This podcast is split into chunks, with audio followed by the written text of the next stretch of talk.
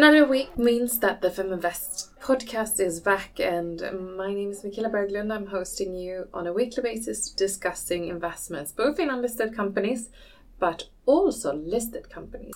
From a Swedish perspective, this year's stock market hasn't been incredible for a few different reasons, and we've discussed that previously. But I'm still quite intrigued because if we look at GDP and the growth across the globe, there's still some hope.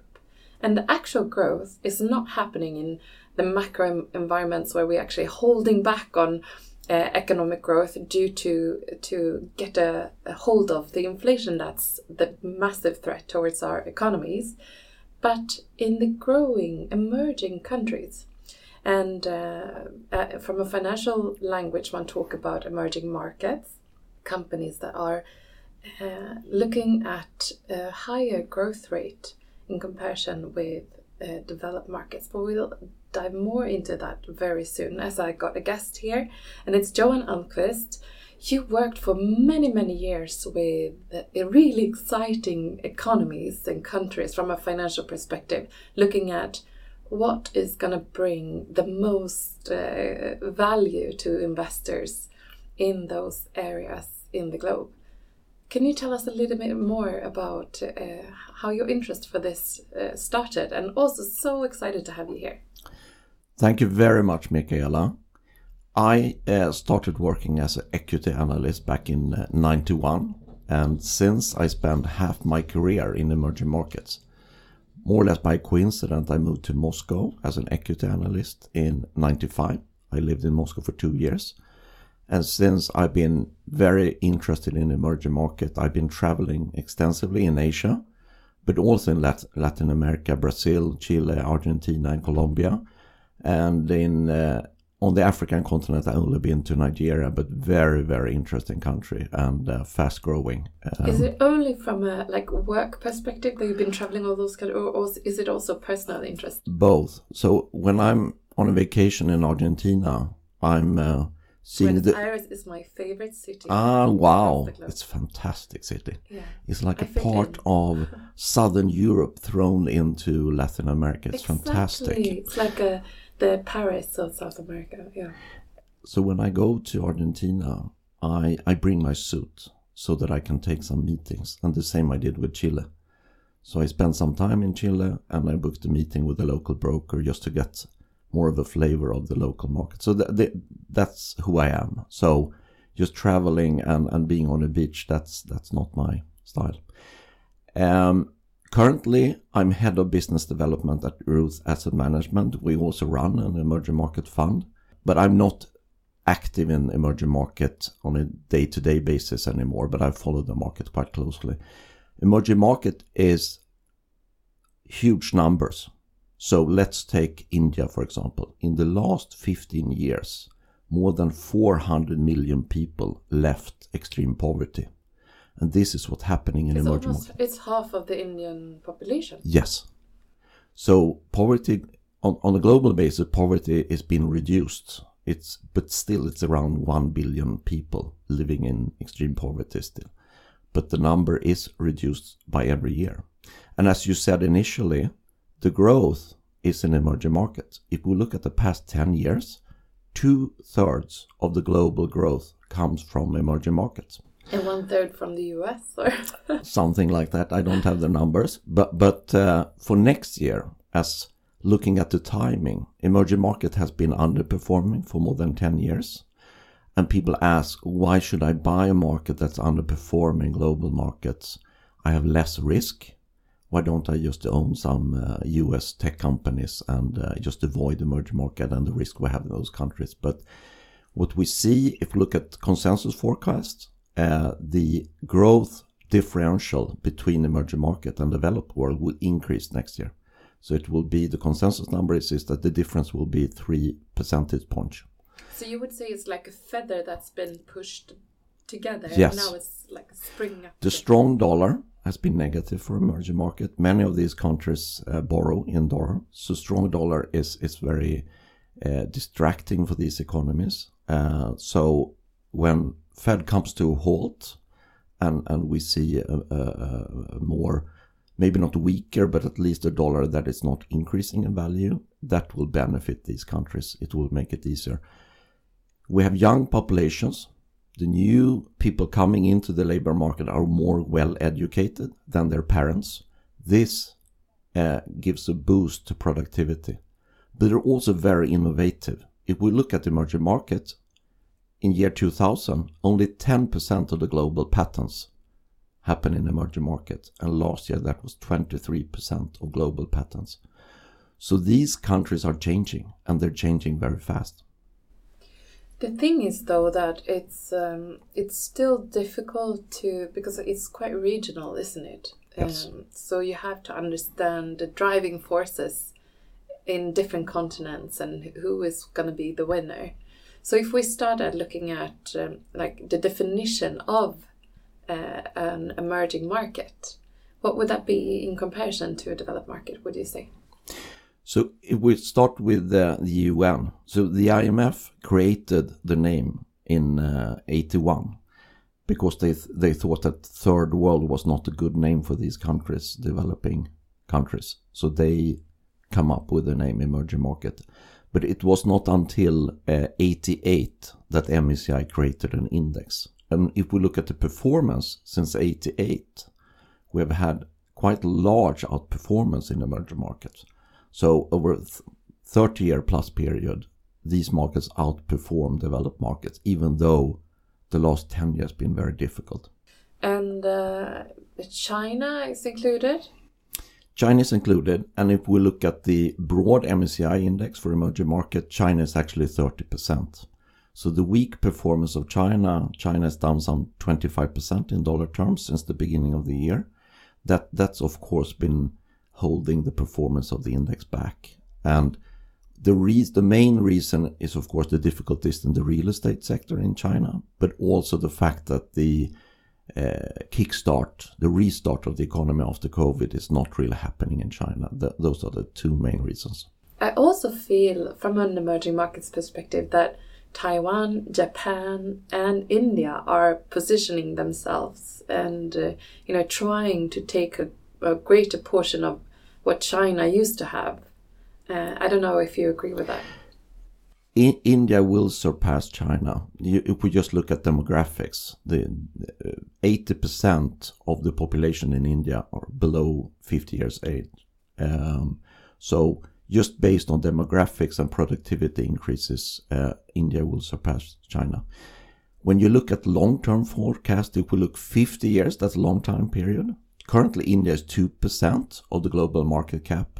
In 50 years, that will be 80%. So from being a fairly small market, India will be a significant market in the future. But I'm uh, still interested to understand the relationship between developed markets and emerging markets because, as uh, we see it now, that our world is going to be going towards a more financially strained uh, environment. So, 2024, we will not be able to consume as much as we can uh, this year, and as we definitely not as much as we could last year. Uh, so, how is that affecting?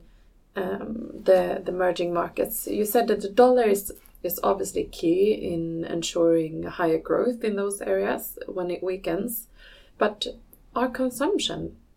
So what we've seen in China, that's also going to happen in other emerging markets. That uh, domestic consumption will pay, uh, become a more and more important factor for those economies that been more export driven. They will uh, convert themselves into be more driven by domestic consumption as what's happening in, in, in China currently. Yes, I, if we look at the forecast, the forecast for the global economy X emerging market, it's only up 1% in real terms next year, and emerging market is up 4 And the reason being that um, emerging market never had the zero interest rate policy. You always had fairly high interest rates in the emerging market economy. So the dampening of the economy we see in Europe and the US due to the higher interest rates, that's not, not really happening in emerging markets. And it's almost the opposite. Like Brazil, they increased the interest rate much, much earlier than Federal Reserve in the US. So they're not 100% correlated That and that's also from an investor that that's a good. Uh, uh, it's a diversification to be invested in the emerging market. They behave a little bit differently. So, how much should one uh, actually invest in in those areas in a in a mm, built portfolio?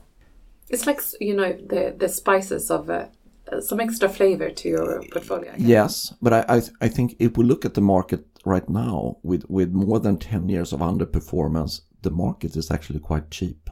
So we're paying for next coming uh, next year earnings. We're paying just around eleven times. The discount is quite high to developed market, uh, some 30-35% discount. This is higher discount than usually.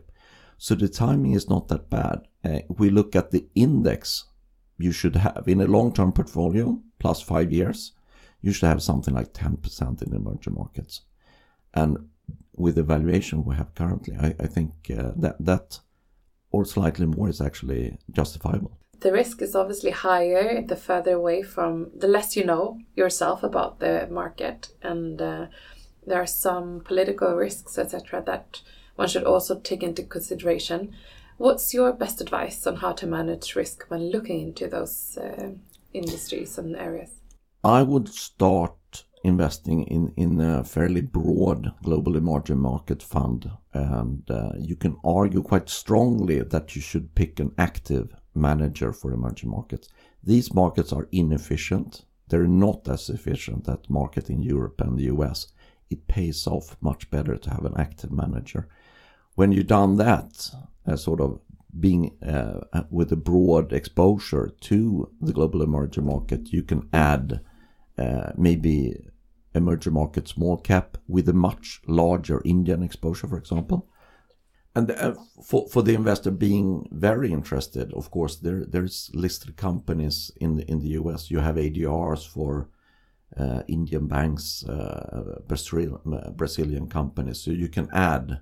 But then I would add as a fairly risky exposure, but like an add-on to uh, what you already have in, in a broad emerging market fund.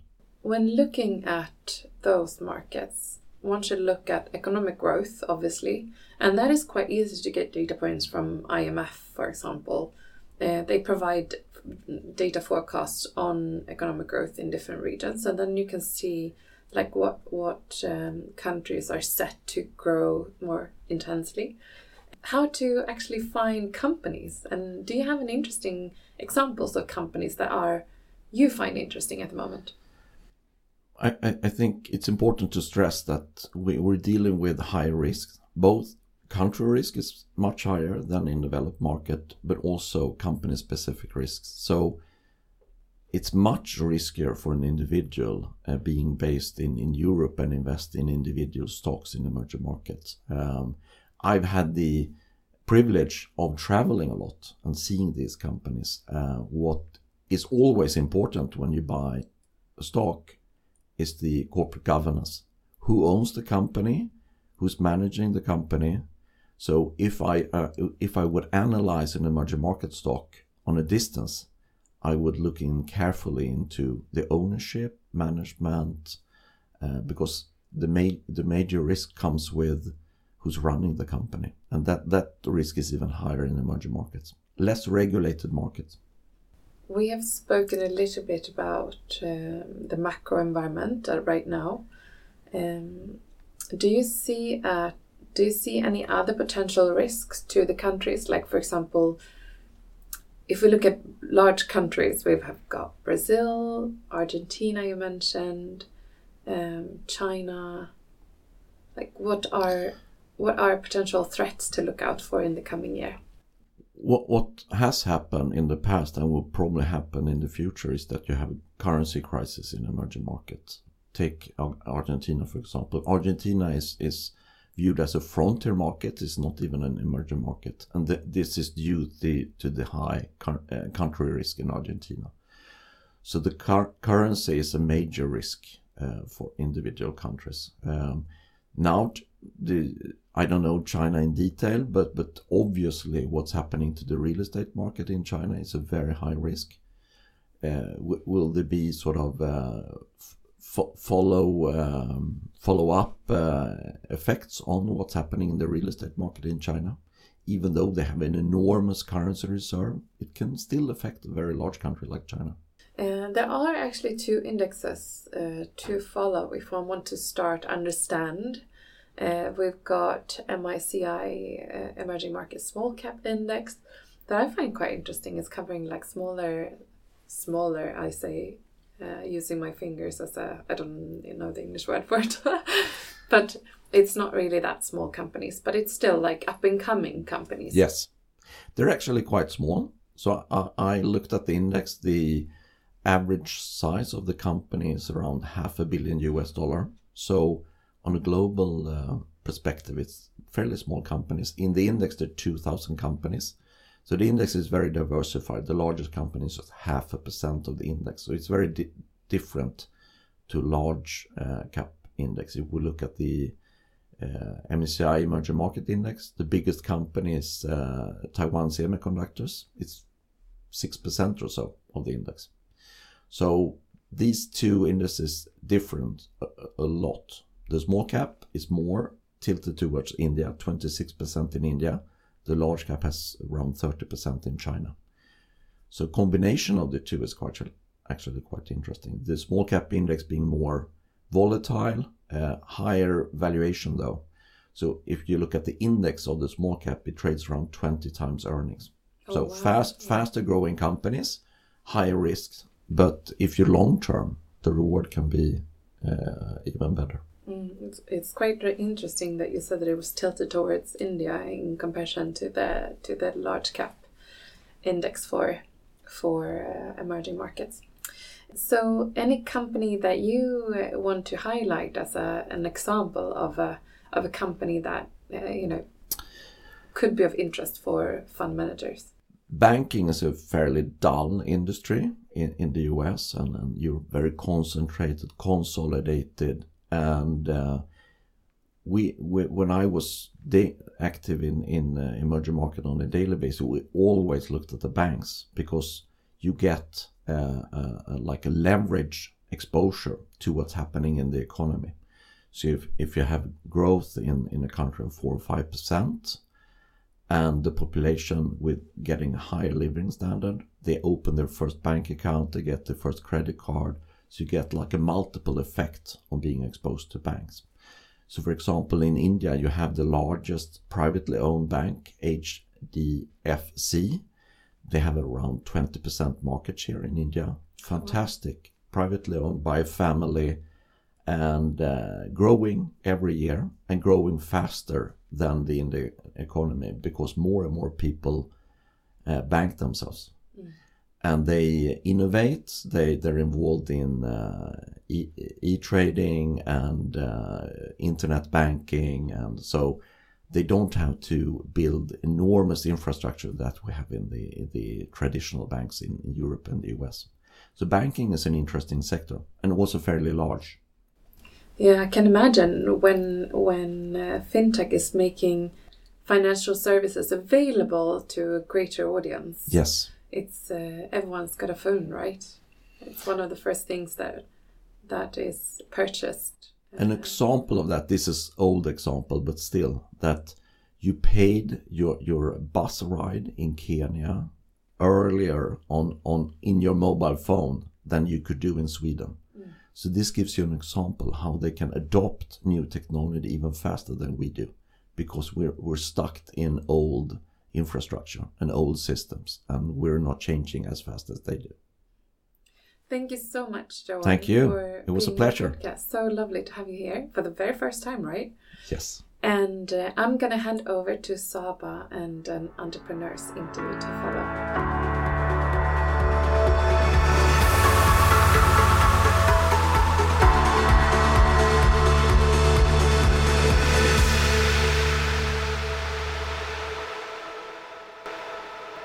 And welcome back, dear listeners, to our very special episode of this Feminvest podcast. Today, with me, I do have two amazing guests, and we are going to dive deep into the world of fresh skincare. With me today, I do have Dr. Johanna Gillbro. She's the founder and the skin researcher behind Skinome, And her journey from being a distinguished skin researcher to a trailblazing entrepreneur is nothing short of inspiring.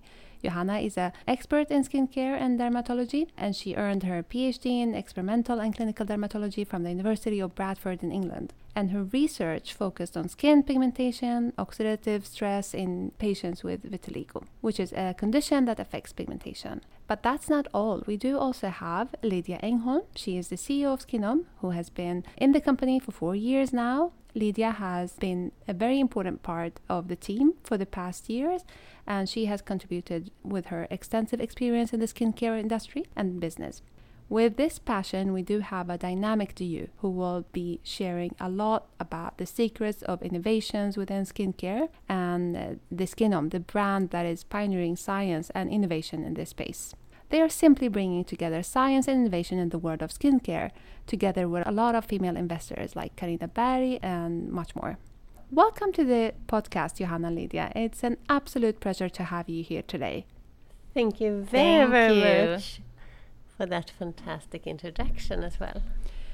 It's an ab- absolute pleasure to have you here today. Let's start with you, Johanna. Could you please share with us uh, a few milestones about your journey and share with the listeners that? Yeah, thanks. Um, so uh, I was, uh, I actually became very interested in the skin for since a very long time. So I got uh, a skin disorder or skin disease actually called vitiligo, which is um, it means that you actually get white spots on your skin, very often very symmetrical and. Uh, it's quite common, so around 1 to 2% of the world population gets uh, this skin disorder. And when I was a child, I loved these white spots. I first got one on my belly, and then it was spreading to my knees. And uh, I felt very unique, actually. So um, I, I didn't have any issues with with that actually until I got in my teenage years, and I started to find it quite yeah, uh, psychologically uh, disturbing because I had to cover. I felt that I had to cover in my face. Uh, then I got quite many white spots in my my face. So that actually led me on a very long journey now in uh, in the dermatological field, and it all started with that I studied in Uppsala, and when it was time for the research project, uh, final research project, I was contacting all the research groups that was um, doing uh, vitiligo research in the world. So it was one in Japan at that time, one in the US, in England, Italy, Germany. And I emailed then, you know, then it was, this was like around 2000 and I got my first email address. I emailed from a Hotmail account to, to these professors and I didn't get any response. So uh, I sent all these emails again, and then finally it was one uh, dermatologist and professor from the University of Bradford that uh, responded. So that led me into a very exciting research pro uh, project within the field of vitiligo, and uh, it actually ended with that I did my entire PhD on this disease. So so that was a very exciting period in in my life. We developed a, a cream that was actually uh, based on an antioxidant complex, and we I treated my my skin as well. So in my face, for example, I got more than ninety percent repigmentation, so pigment back, and also on other body parts. So so you were taking part of the clinical study that you were actually conducting. Yes, yes. Oh, that's interesting. and and to be honest, I mean, it's um, that is actually not something that you would recommend uh, from an ethical point of view. But for me, I mean, yeah, it has been uh, an amazing journey, I have to say. And during those five years, when I was based in England, I was also part time based in Jordan because we we found that by developing this cream and also exposing the patients to uh, bathing in the Dead Sea, that actually was giving very nice uh, results. So, so that was uh, an amazing journey. And then, not to make this story too long, uh, I um, I moved from England to Holland, also worked on within the clinical uh, field, and then to Ireland. And then when it was time to move back to, to Sweden, uh, I was approached by then the skincare industry because they wanted someone to that uh, had knowledge about um, skin pigmentation. Um, so uh, so that actually resulted in that I joined the skincare industry. I think that was yeah that was more than ten years ago, and basically what I found out then was that coming from the dermatological field, it's all about you know treating a skin disorder and everything else is secondary like for example how the product should be stored is secondary how it smells is secondary how it feels is secondary. The most primary goal is really to treat this, to treat the skin and to treat that the skin in the best way possible. And when I joined the skincare industry, I realized quite quickly that wow, here it's completely the other way around. The primary focus here is how the cream is smelling, how it's stored, that it should be stored in your bathroom shelf, for example, for many years. Uh, it should be able to be on a boutique shelf with uh, quite warm lighting above, etc. And uh, and that means that in skincare products we have a, a, lot of additives, including preservatives and fragrances, for example, because otherwise we would never be able to have this strategy uh, with uh, within kind of uh, skincare production and skincare and selling skincare products. So uh, I had I got this idea very quickly with yeah within my first years actually. I just thought, why hasn't anyone thought about making fresh skincare? That uh, you have a shorter shelf life, so you don't have uh, you don't need to use additives, and also the other issue with this traditional skincare is that all these substances like vitamin A, retinol, for example, vitamin C, and other active ingredients that you would actually use to treat your skin, those substances are very, very sensitive to air. They are sensitive to room temperature. They are definitely sensitive to the bathroom temperature. and uh, and it's very important to, to know as a customer that the cosmetic industry, the cosmetic companies, don't have any legal requirements to actually measure if there is anything left of the substances that they put in, for example, vitamin A, then retinol or vitamin C. And uh, developing products then for, for this other company, I was it ended with that I got quite a, a, strong stomach ache in the end because I just realized that I will not be able to guarantee that the customers will get the effect that we get from start. And that is a completely different strategy compared to the drug industry where you definitely need to I mean if you buy for example paracetamol the companies have has definitely uh, ensured that you will get the, the 500 grams of, of paracetamol when you buy that. Yeah, it's really, you have a lot of regulations. Yes. Uh, I feel like I'm a fool now when I paid so much money for different products that I'm like, okay, was there anything inside or yeah. did I pay for the uh, conservative? Yeah preserved yeah. yeah exactly. So so that it's very very difficult to know as a customer what you what you actually pay for or if you get good products in the end of the day.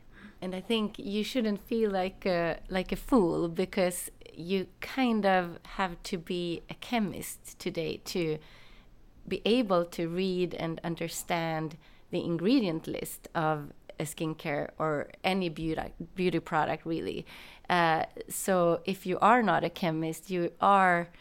Um, it's very hard for you to understand what you get and what you don't get, and this is also something that we uh, are really striving for to educate, so that you you should have the power to know what you are spending money on, not mm not the other way around. Yeah, the power to know or the power to actually have people knowing that and uh, trusting them. Mm. Uh, but Lydia, you jumped into the conversation. Yes. so tell us more about your background. Are you a chemist or are you, are you, do you have a different background? I am not a chemist. So I think that is also why we make a good entrepreneurial couple because we have complementary Yeah. uh, competencies and experiences. Um, my background is um, is diverse, but uh, I spent uh, almost ten years in the beauty industry um, before joining uh, Skinome, and I've actually been uh, working in the same company as Johanna.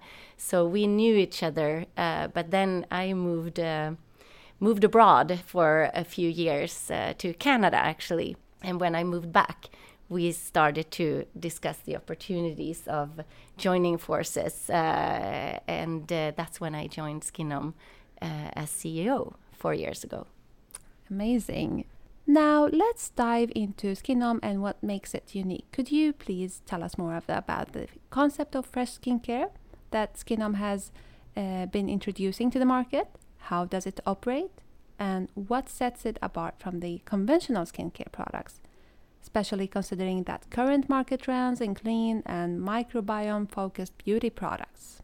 Yeah, so we are actually uh, trying to solve two problems that we saw in the in the traditional skincare industry, and that is one, as we spoke about, to actually ensure that you get the efficacy that you pay for.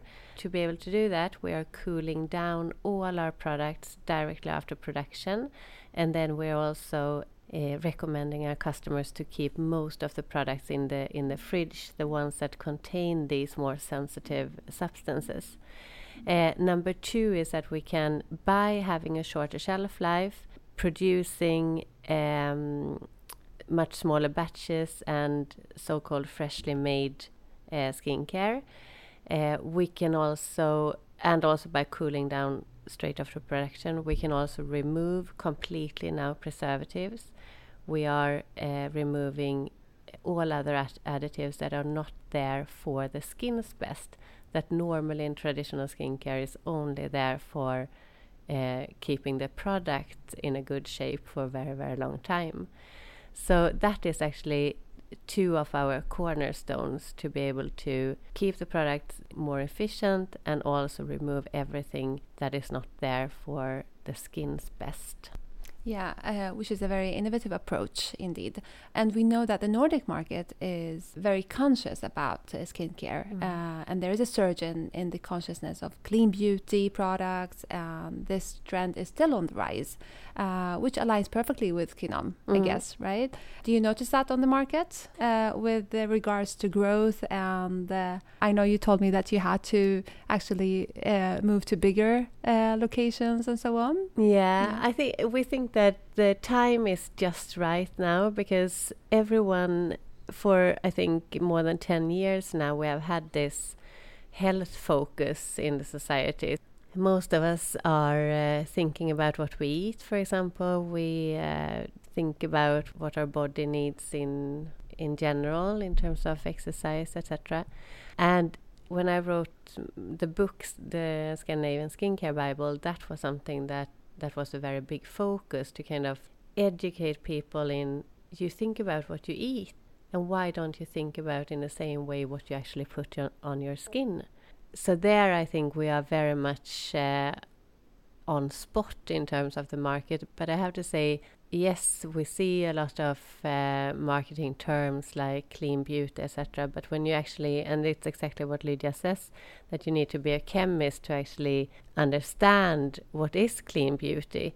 But at the moment from from my point of view i think many brands that are communicating that they are clean beauty is actually not clean beauty because you see exactly the same preservatives you you don't have any requirements on that the product should be efficient for example. So it's still and this is this is really an industry where where you can tell a lot of fairy tales with a lot of success. Yeah, and as with with any journey, there are challenges, and I guess this is one of the challenges to actually educate and uh, enlighten people about what's what's real and what's not. Could you share some of the most recent challenges and breakthroughs that you have encountered uh, when initiating, but also when operating with Skinome? And this is a question for you both because uh, I guess it was a totally different challenge and different hurdle in the beginning uh, but now that we know that people are more aware of what they are actually putting on their skin yeah you have other uh, scope of challenges, uh, but also the competition that you are actually mentioning with the fairy tale stories. Yeah. How do you address them? Tell us more about it. I think just just like you said, one of the major challenges that we face is um, really that we need to educate, and uh, we don't call ourselves a, a, a skincare company, but rather a skin health company, because we see that the skincare industry is not again always putting the skin health uh, first. So we we need the opportunity to to explain how the skin works, uh, how ingredients work, how skincare work, and I think that is one of our challenges that people uh, who are using skincare they don't necessarily think about what's what's in the skincare. It's called skincare, and you think it's going to care about your skin, but there there are also a lot of stuff in the creams that are not there for your for the best of the skin. So we we um, it's not that easy to educate because you need the time. So finding those opportunities where we can talk about how things work uh, is is is very crucial. But again, uh, a challenge as well. Yeah, and how how do we as like as listeners get the possibility to educate ourselves about the products that we use? Or the products that we should use. Is there any platform anywhere I could, as a private person, check for these facts actually? We, of course, try to educate uh, in all areas of skin and the skincare on our website, skinome.com. Um, one important way of also spreading knowledge has been Johanna's book, the Scandinavian Skincare Bible, or uh, in Swedish it's called Hudbibeln uh, which also it was released in uh, 2019 and became immediately a huge success, which was also a sign that there there is a surge for understanding uh, more about skin and skincare because of course we spend a lot of money on on our skin and specifically during the pandemic it was a, a, a huge in increase in spend in skincare because more and more people of course became aware of their skin uh, health when they were sitting in all these endless uh, Zoom meetings. Mm, yeah, so definitely. yeah, so the book has been uh, really important for us also to create uh, our first group of uh, customers when we when we launched our first products. So now I have something to read for this weekend. I'm happy to know that. And as you say, there is an increasing awareness of uh, of skin skin health, as you mentioned, uh, and the demand for sustainable, for clean skincare products are actually also increasing. Johanna, for, this question is for you. How do you define the role of research in skincare and skin health?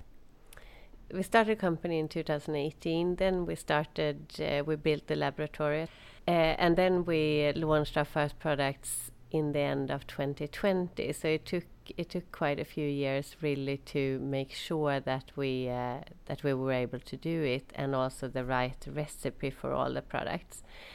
Um, but then we have also collaborated uh, with, uh, for example, uh, one company that we have collaborated with is BioGaia, which is also part owner of Skinome. Uh, it's a probiotic company uh, founded in, in Sweden. And then we have also collaborated with Linköping University, uh, where we did our first microbiome study that was published in International Journal of Cosmetic Science uh, last year.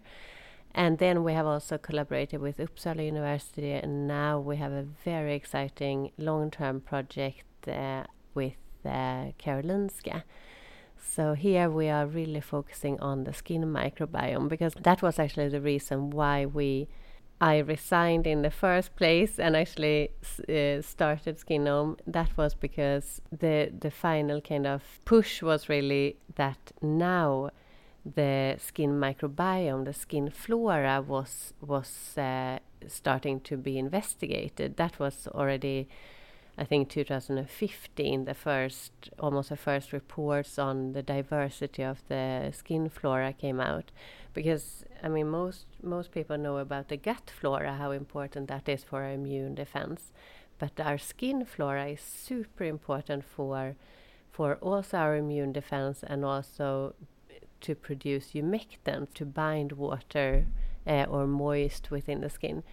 So then the first study was published in 2019 showing that uh, normal preservatives in skincare products actually can disturb the skin flora. So now we have done studies with Linköping, then uh, confirming that. We have also worked with Uppsala University. We have worked with KTH to to measure the the substances so that they don't degrade during the shelf life of our products.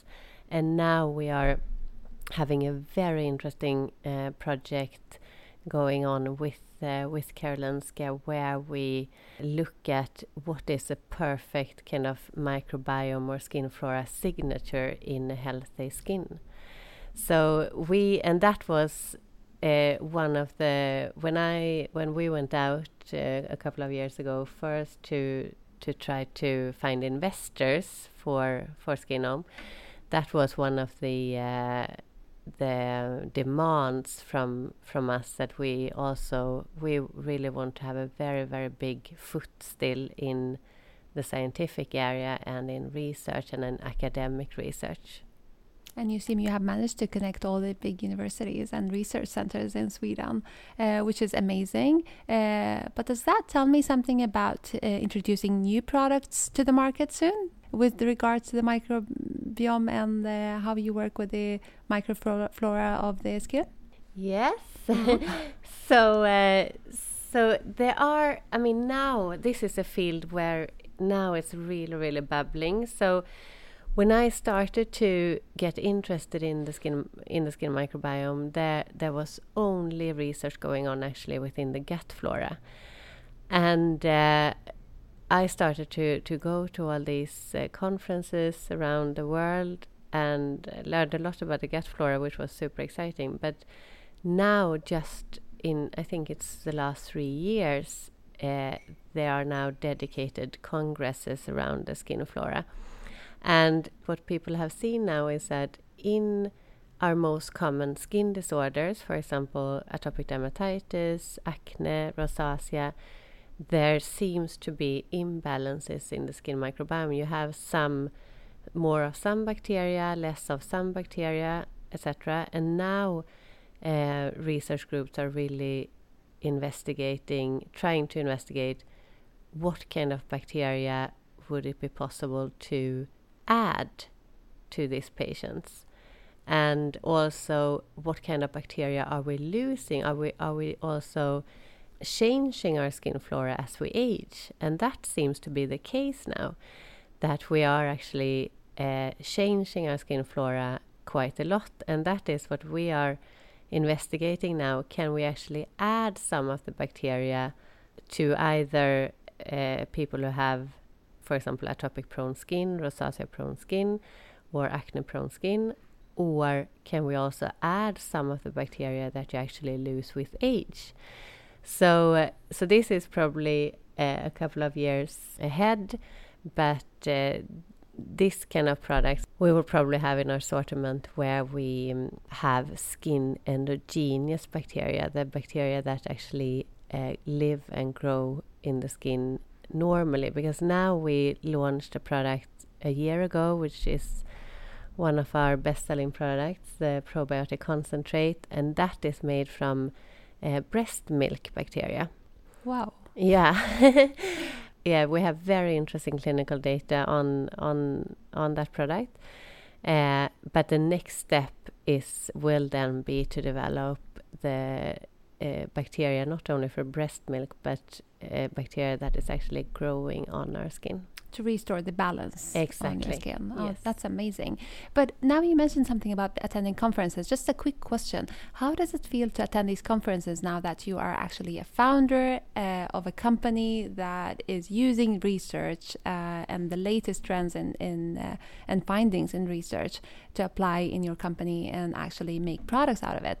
When attending conferences now, do you feel that the perception is different? I mean, I guess you're one of few who are actually doing products out of this research finding. Yeah. Yeah. How does it feel to attend these conferences?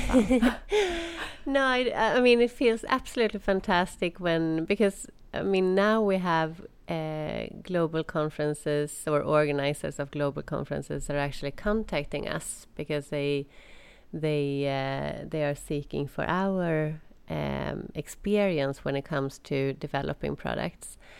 Um, because I mean we we don't have in house in our company we don't have the uh, equipment to, for example, sequence the skin microbiome. That that that is why we have to collaborate with others.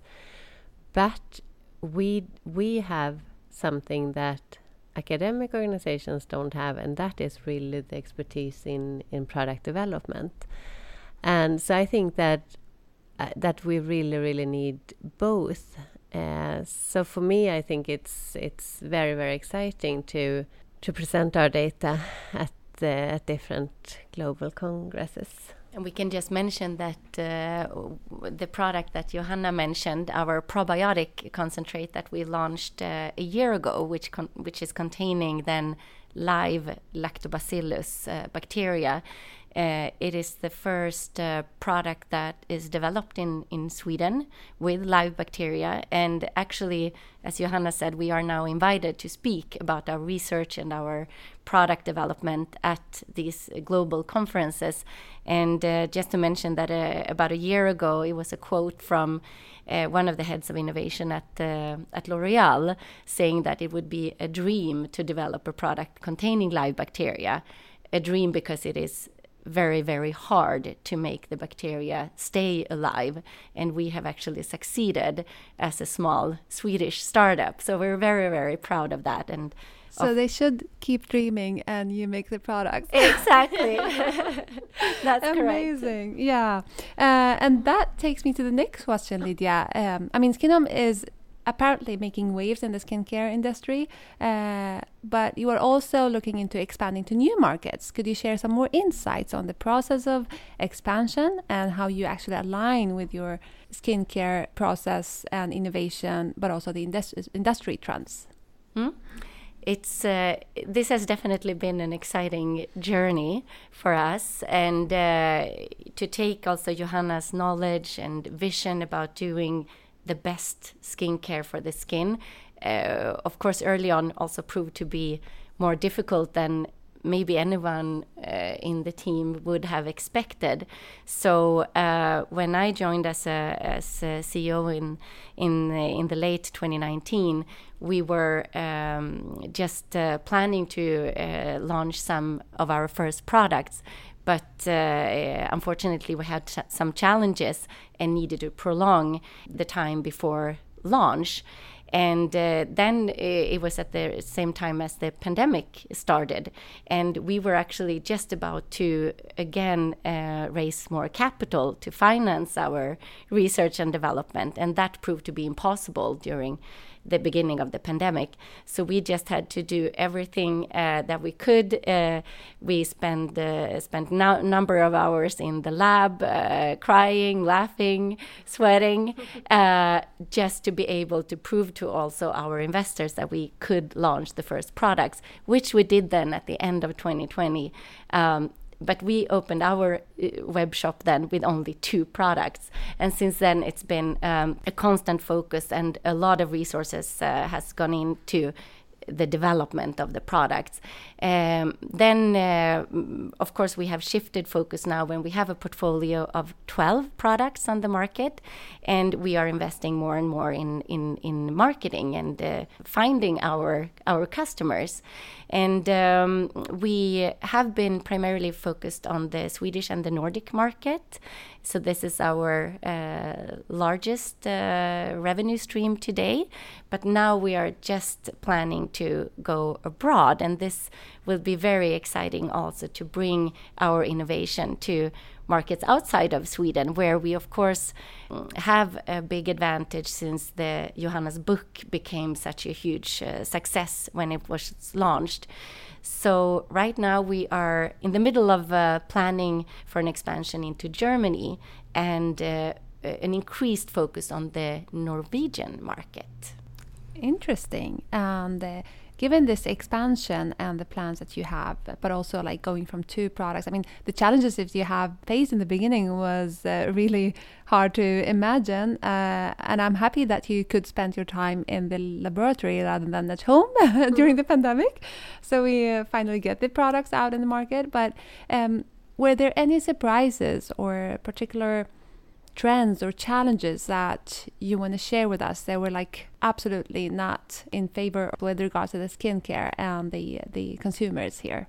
I think one of the challenges that uh, we believed that we would overcome, but that many were a bit afraid of was the fact that our products need to be stored in the fridge. And of course, we first of all we needed to establish a supply chain uh, that is cold. So we needed to find also 3PL partner, a warehouse where we could Im- invest together then in uh, cool storage. Um, so first we needed to, of course, set up the whole cold uh, supply chain, but also then start to educate and change the behavior of our customers uh, to have them changing from applying their skincare in the bathroom to going to the fridge. And uh, this, I think, we we saw as a potential challenge, but it has proven actually to be more of an advantage. Now uh, our customers they say that they actually love the cold feeling when they apply the skincare in the morning or the evening, um, and that very quickly you get into a new habit. We uh, we always make the comparison with uh, fresh uh, food, like dairy products, for example. You uh, you don't even think about that it's cumbersome or hard to put back the milk or the creme fraiche into the fridge. And when we ask people, would you rather have your creme fraiche filled with preservatives so you could keep it in the on the on the bench in the kitchen uh, and not to walk these extra steps to the fridge to put it in the cold storage. Of course everybody say say no. No we want it without preservatives and additives. And our customers they say exactly the same that now when we are aware what's best for the skin, of course, we prefer to put our skincare in the fridge than keep it in the bathroom just for the sake of that it might be more comfortable. Yeah, that's incredible to see how consumer preferences can drive positive change uh, in the industry, which is noteworthy fact for us. And now we are kind of shifting focus to the consumer. Actually, how does Skinome leverage this strategy to establish a stronger connection with the consumers now? Uh, what strategies have been effective in building the brand loyalty and the trust for the Skinome as a brand? We see that our our typical customer is a very uh, health conscious uh, person. They have typically a very holistic view on, on their health and they want to be educated and they are striving for the best for their bodies, no matter if it's uh, food or uh, working out or, or skincare. So we have uh, from the beginning seen that uh, the educational part is something that our customers and our community is really kind of appreciating. They want to be educated, they want to make the best decision for whatever it is in their lives. So uh, to to be very transparent uh, and to share our knowledge that we have seen as a as one of the keys to to building a very loyal and uh, very dedicated uh, community. And uh, early on, we set up also a subscription model uh, because we have from the start been very clear with that you know skin health is about a long-term approach to making the right decisions and it's not only skincare affecting your skin health it's also a lot of other different lifestyle factors uh, sleep or uh, what you eat if you're stressed uh, your hormones really, it's a really a commitment actually. Yeah it yeah. is a, it is a commitment and it's complex. We have said from the beginning that what what many other companies sell are are miracles and miracles uh, can be nice to to be dreaming uh, and uh, believe in miracles, but but when it comes to skin health, we see it's a long term commitment, and therefore the subscription model uh, is uh, something we invested in from the start.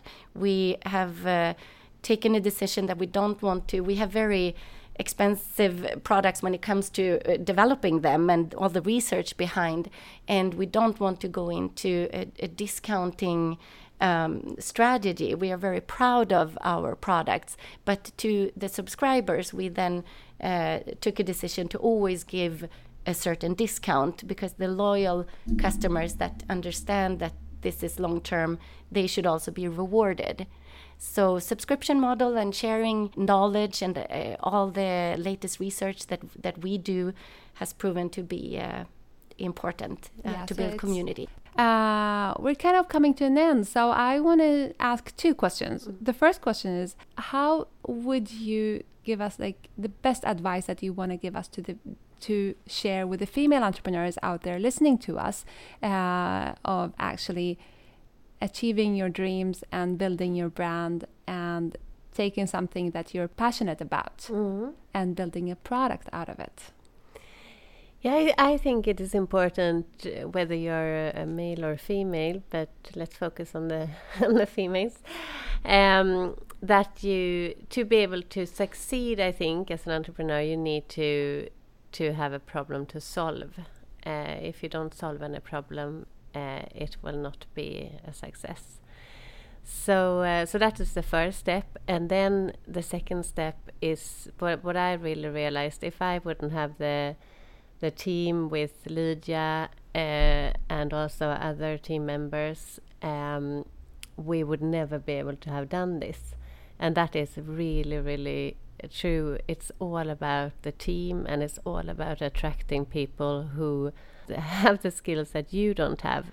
And I think that is kind of independent if you are a male or a female. Attract the skills that you don't have uh, whether it's a it's a man or a, or a woman that has these skills.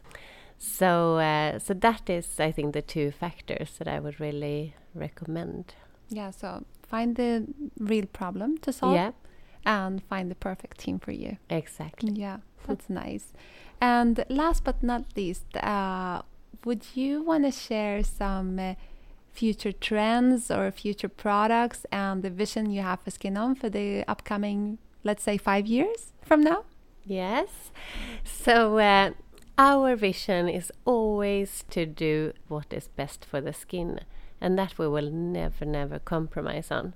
And that is very easy to have that vision because then we know exactly if we are going in a, in a, in the wrong direction. We know exactly where when we go in the right direction, and we will never actually follow trends if we would uh, find out that what we did in the 1700th century, for example, was the best, we would do that. So, um, but one of the areas that we that that we are very passionate about and that we believe will actually do some difference or actually do a real difference that is the field of the skin flora and the skin microbiome so that is where we will bet our horses on uh, we will uh, collaborate with the academia in sequencing the microbiome, find out what what a healthy microbiome signature is for the skin, and then we will use that to develop the best products. That is uh, the one of the goals. Interesting. Lydia, do you have something else to add for uh, insights for the next five years? I can maybe add that we actually now have a patent pending for our unique combination of ingredients that allow us to avoid using preservatives. So that is something uh, it's that is um, uh, hopefully this uh, patent application then uh, is uh, going to be uh, approved within the next year or two and that is of course very exciting since that, that is really uh, proof of the high level of innovation that we have in the company Sounds perfect. So uh, we're coming to an end, uh, and we have uncovered a really nice story and a journey of Skinome that you have uh, uh, shared with us today, and the commitment to innovation, to uh, the concept of fresh skincare. We've heard about the challenges of you, that you have had in the beginning, but also the scientific research and its its um, pivotal role in in actually producing and developing new products. Uh, also, that you are actually expanding to new markets and how you are setting the trend for for uh, what the industry should aim to work with. Um, but also like the approach that you have um, when it comes to the co- the consumers and the awareness that you're trying to to share and raise among the consumers to actually become more aware of of being healthy inside out. I would say. So thank you very much for joining us today. And thanks for our listeners. And if somebody wants to know more about Skinome, where should they go? Then they should go to skinome.com. Uh, and also we have an Instagram. It's called uh, Skinome Official. And we are also, also available on LinkedIn. So it's just to look for Skinome there and our email addresses are also visible on the homepage but uh, just to remember one email address is info at skinome.se if you want to get in contact with us. Sounds perfect. Thank you very much. Thank you so much for Thank having you. us